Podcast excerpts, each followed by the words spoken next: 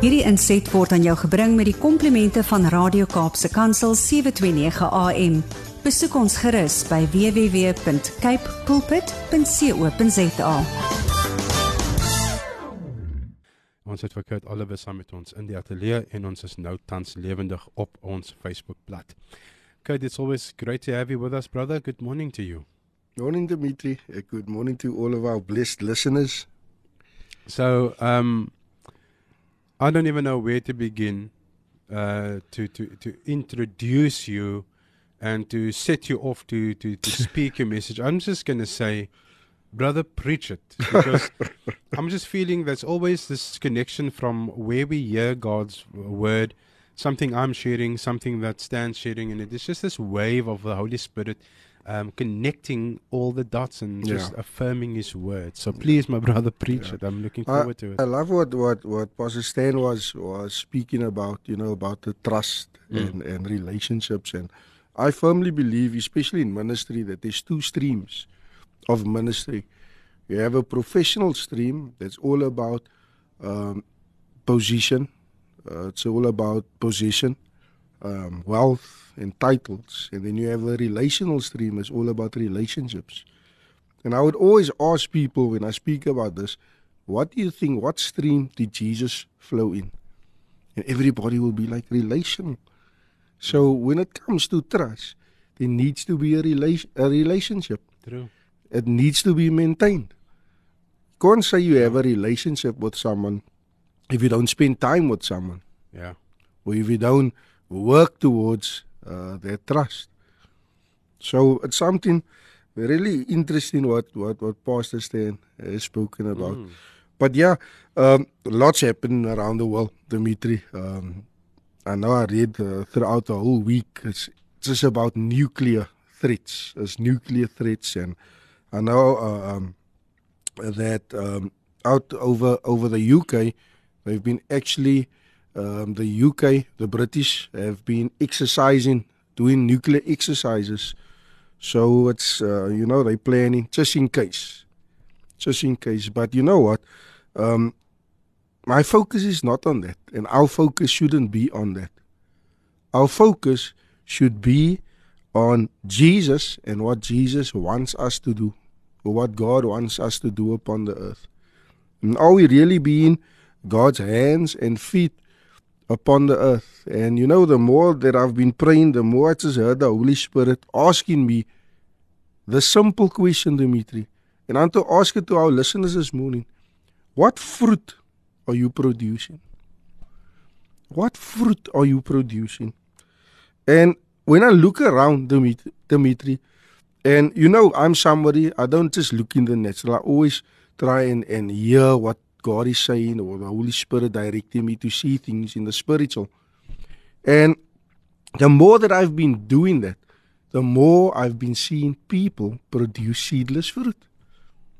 Meaning, they have the tree, they got saved, the tree, the, the, the, the plant or the tree is being watered, the tree is being looked after, and when it produces fruit, it only produces fruits once. Because there's no seed in the fruit. So what happens to the tree? The tree eventually dies and is purposeless. And the Bible makes it clear that we need to produce good fruit.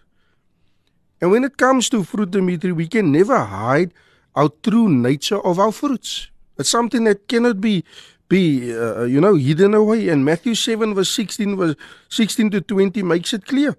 By their fruit you will recognize them. Do people pick grapes from thorn bushes or figs from thistles? Likewise, every good tree bears good fruit, but a bad tree bears bad fruit. A good tree cannot bear bad fruit, and a bad tree cannot bear good fruit. Every tree that does not bear good fruit is cut down and thrown into the fire.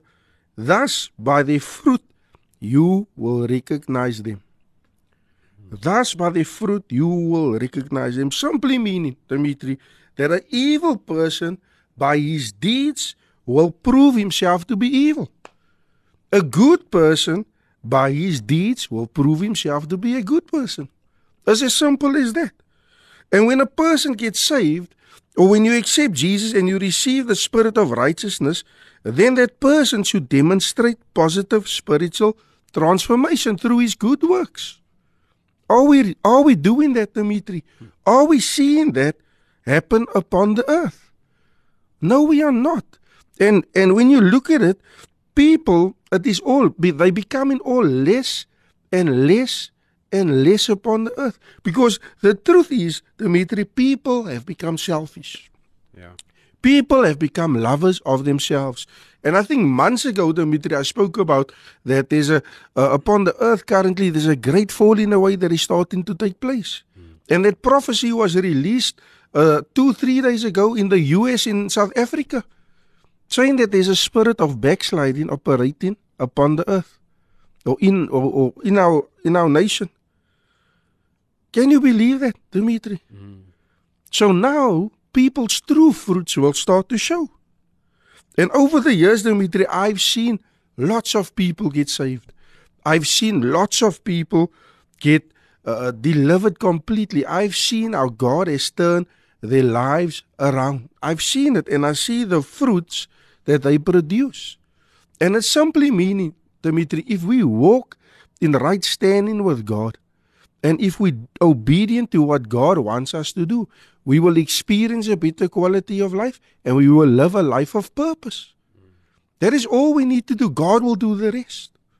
God will do the rest. And when we read the Bible, we see how God inspires his holy men to teach people to do good works, to produce good fruit. When we look at the book of Luke, John the Baptist, what did he do? When he came onto the scene, he did not just speak, uh, uh, uh preach, repent, but he preached and he taught people what to do, how to how to uh, encourage them how to bear good fruit. He encouraged them how to, uh, especially the tax collectors. I know there's a scripture where he says to the tax collectors, "Do not be greedy." I know there's a scripture in Luke where, where he says to the soldiers, Do not be violent. Do not accuse false, falsely and content with your wages that you are getting. Are we content, Dimitri? Are we honestly content? Mm. And when, when you content, there's a peace that comes with it. There's a peace that comes with it. And when we look at society, as I said, everything is just driven by greed. Are we forgetting about God's teachings? Are we forgetting about the Bible and what the Bible teaches us? And like I said, Dimitri, the, the fruitless fruit, meaning what are we imparting into our children? Are they seeing the good, the negative? Are they seeing the positive? I know what I'm doing, even with Pastor Stan, uh, with his with his grandchildren that was here this morning, they are witnessing good fruit. Mm. And and Pastor Stan is planting a seed in their lives. His fruit are, are, have seeds in them. Because I promise you, somewhere along the line, his grandchildren are going to remember what he spoke about today, are going to remember what he, what he was doing, and he's evangelizing this morning. So somewhere along the line, they will be in, end up doing the same thing. So my question this morning uh, to our listeners what fruit are you producing? Galatians speaks about it. We need to have a fruit of the Spirit, having love, joy, peace, patience, patience, kindness, goodness, faithfulness, gentle, gentleness, self-control. Are we are we operating in that? Do we see that fruits within our lives, Dimitri? I know when I go when I go out, Dimitri, when we're doing uh, the street evangelism and the feeding on the street, the people we work with, they, it's not easy people. But I know what what God wants us to do. We need to remain focused because what we say and what we do, those people are watching us all the time. But what we do, we go out day after day and we build relationships with those people. Mm. And once they start to trust us, once they start to see the fruits of the Spirit within us, they respond to that. Mm. And then they open up because we need to represent Jesus upon the earth. They need to want what we have. They need to want to serve God the way we serve God. Yeah. That is how things need to be.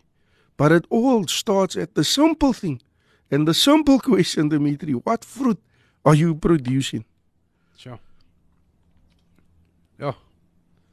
Dis tyd om 'n bietjie te gaan tuin maak sodat ons kan goeie goeie vrugte kan dra.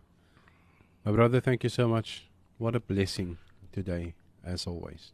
Thanks Dimitri. Right, we'll see you next week again, God willing. We really appreciate you. Have a great weekend further. Same to you. Dimitri and have a blessed weekend to all our listeners. Amen to that. Hierdie inset was aan jou gebring met die komplimente van Radio Kaapse Kansel 729 AM. Besoek ons gerus by www.cape pulpit.co.za.